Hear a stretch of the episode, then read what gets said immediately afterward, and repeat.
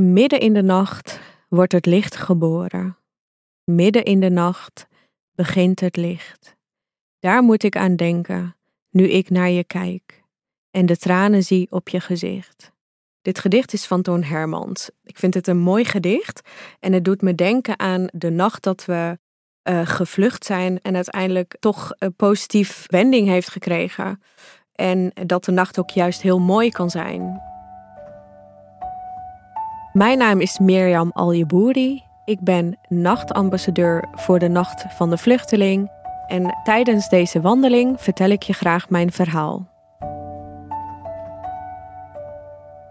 Ik groeide op in Bagdad en ik heb daar tot mijn achtste gewoond. In Irak woonden we echt in een prachtig huis, mega groot, met een zwembad, heel veel slaapkamers. En ik woonde daar uh, met mijn vader, mijn moeder, mijn broer en mijn zus.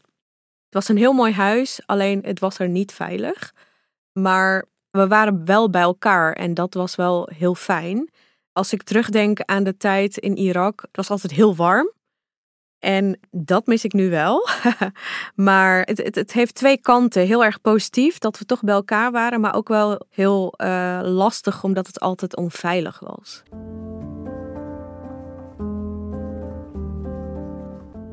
Het leek alsof het in de nacht juist nooit stil was. Je hoorde altijd alles. De auto's, sowieso vliegtuigen, bombardementen hoorde je ook. Als je dan wakker werd, dan leek het alsof je niet geslapen hebt. We sliepen allemaal bij elkaar in uh, één slaapkamer, omdat het toch veilig voelde. Dat stel als er iets gebeurde, dat we toch bij elkaar waren en we sneller weg konden uit het huis. Het voelde heel fijn, ook heel gezellig. Maar ook ja, heel gek, want we hadden wel onze eigen slaapkamer, maar toch sliepen we allemaal bij elkaar in één kamer. Ik voelde dat het er niet veilig was, omdat je ook heel vaak helikopters hoorde en ook eh, de sirenes die afgingen wanneer de oorlog echt dichtbij kwam. Dat kan ik me nog heel goed herinneren. Echt het geluid wat, wat die sirenes afgaven. Dat hoor je ook wel nog in Nederland één keer in de maand. En dan krijg ik wel echt zo'n onderbuikgevoel van: oh, ehm, het komt toch wel weer allemaal terug naar boven. En dat gevoel, dat, dat zal ik denk ik altijd wel blijven houden.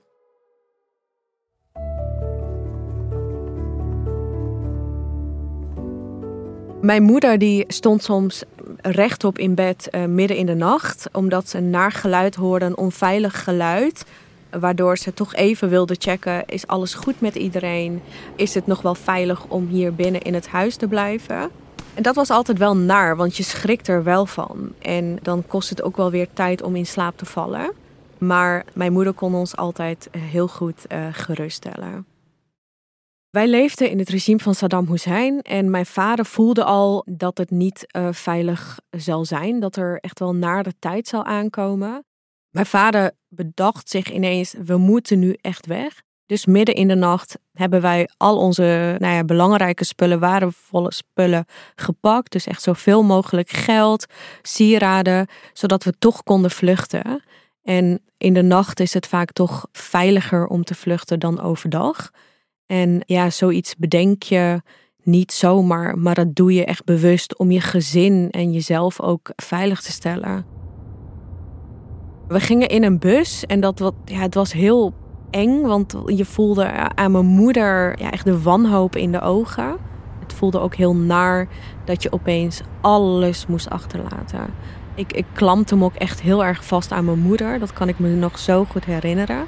En uh, mijn vader die zei ons dat we één ding mee mochten nemen. En ik koos voor mijn hoofdkussen. Ik weet dat mijn zus bijvoorbeeld uh, een knuffel had. En ja, ik nam mijn kussen mee. Nou, hij was gewoon echt gewoon wit en uh, groot.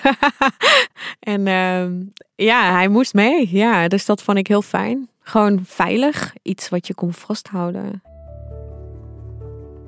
We konden niks meenemen. Foto's niet, knuffels niet alles wat dierbaar is, dat moest allemaal achtergelaten worden. Zoals uh, mijn babyfoto's, ja. Ik weet niet hoe ik er uh, als baby eruit zag. Ja, dat had ik wel graag willen zien.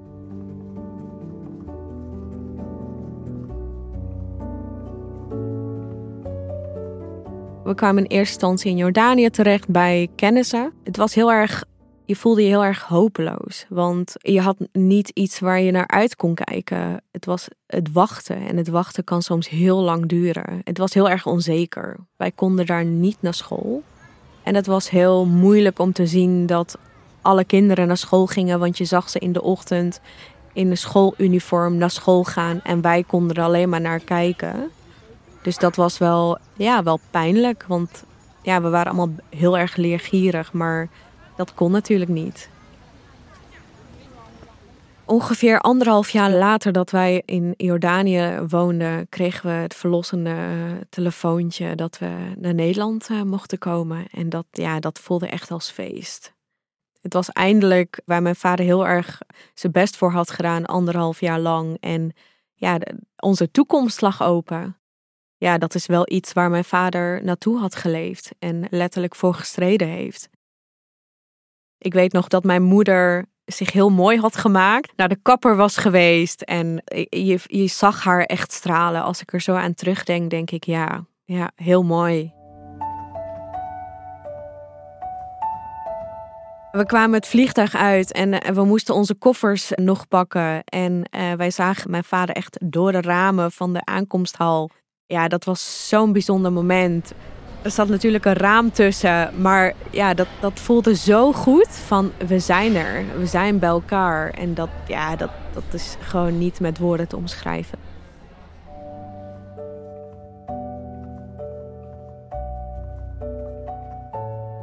Wij reden op een gegeven moment met de auto vanaf Schiphol naar Almelo, want mijn vader heeft daar uiteindelijk anderhalf jaar lang gewoond. De nachten in Almelo waren heel erg stil.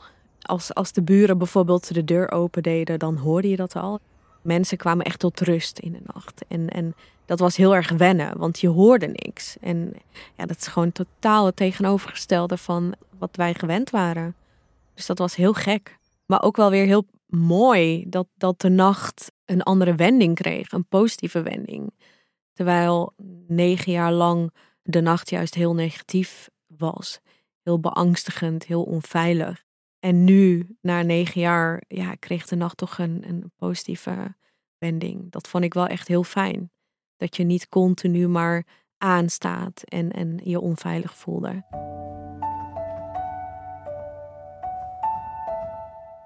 In Jordanië, daar hadden we overdag niet zo heel veel te doen. Dus uh, waar ik me heel erg op richtte is heel veel brieven schrijven. Naar Nederland, naar mijn vader. Uh, ja, want bellen, dat was heel duur. Toen besefte ik dat schrijven uiting is van je gevoel. Waardoor ik in Nederland ook op een gegeven moment met dagboekjes uh, begon te schrijven. Elke avond voor het slapen gaan in bed. Ik lag altijd op mijn buik, want dat schrijft natuurlijk het uh, prettigst. Ja, ik, ik maakte eerst alle randen versierde ik met allerlei uh, kleurtjes. Dat, dat, dat maakte het dagboek toch wat vrolijker. Ja, dan begon ik mijn dag te schrijven, hoe mijn dag was geweest. Ik voel me heel raar vandaag. Heel verrot weer eigenlijk. Heel raar opeens. Ik zou echt niet weten hoe dat komt. Er gaan weer rare gedachten door mijn hoofd. Ik heb nergens meer zin in. School vind ik wel leuk, maar ik heb geen zin om te leren. En dan kom ik niet ver. Dus ik moet wel leren. Vanaf morgen ga ik dat ook doen. Want andere dingen die ik aan mijn hoofd heb, daar kom ik niet ver mee. Daarom moet ik me nu echt gaan concentreren. Anders komt het weer niet goed. In de puberteit um, had ik toch wel een moeilijke periode. Ja, toch dat leven in twee culturen. En um, daarin voelde ik me gewoon totaal niet gelukkig ook mijn moeder die mij niet heel goed begreep. Um, ze, ze probeerde me te begrijpen, maar op een of andere manier toch ook niet. Dus ja, mede door ja, het leven in twee culturen. En dat botste heel erg op dat moment. Ik miste mijn vader daarin enorm. Ik denk dat als hij er toen uh, was geweest, dat de keuzes uh, makkelijker waren geweest. Als ik aan mijn vader denk, dan is mijn vader echt een allemansvriend. Hij was altijd heel vrolijk, heel positief en heel behulpzaam. Echt de, de stabiele factor in, in ons gezin. Hij heeft er alles aan gedaan om ons in Nederland te krijgen een veilig thuis te geven en een mooie toekomst. Alleen, ja, het heeft niet heel lang mogen duren, want in 2001 is hij plotseling komen te overlijden aan een hartstilstand. Het, is heel erg pijnlijk als ik eraan terugdenk. Vooral omdat het zo heel kort heeft geduurd. Alleen het heeft mij ook echt heel veel uh, in het leven gegeven. Want wat ik van hem mee heb gemaakt in de 14 jaar dat ik hem heb leren kennen, ja, dat heeft mij echt als persoon gemaakt zoals ik nu ben. En daar ben ik hem gewoon enorm dankbaar voor. De hele buurt kende hem ook. Hij wilde iedereen helpen. Altijd het positieve halen van juist van hele negatieve dingen. Probeerde hij toch wel het positieve eruit te halen. En ja, de tijd dat ik hem heb gekend, dat was zo bijzonder en zo leerzaam. Ik kan inmiddels door hem kan ik mijn banden eh, van mijn fietsbanden zelf plakken. En dat heb ik aan hem te danken. En in Nederland, ja, ik heb alleen maar een fiets. Ik heb geen auto. Dus daar ben ik hem heel dankbaar voor dat ik echt heb, van hem heb geleerd hoe ik mijn band moet plakken. Het zijn kleine dingen, maar zo waardevol. En als ik naar Almelo ga om mijn moeder te bezoeken, dan breng ik ook altijd een bezoek aan het graf van mijn vader. En als ik daar ben, dan zeg ik ook: Hoi pap, ik kom even gezellig met je kletsen en even samen een sigaretje roken. Elke avond voordat ik ga slapen, dan heb ik een ritueel. Ik heb een bankje buiten voor de deur en daar ga ik altijd zitten en dan rook ik een sigaretje. En dan kijk ik eigenlijk naar de lucht. Ik luister naar de geluiden. Soms hoor ik vogeltjes of ik zie uh, sterren aan de hemel. En dat is echt een rustmoment voor mij. Even tot, tot rust komen en, en uh, genieten van alles wat ik om me heen zie. Voordat ik de nacht inga, dan hoop ik dat ik dan droom. Want dat is ook echt mijn droom om mensen te kunnen helpen om het leven ook in Nederland te accepteren als je gevlucht bent. Dat het heel veel moois kan opleveren.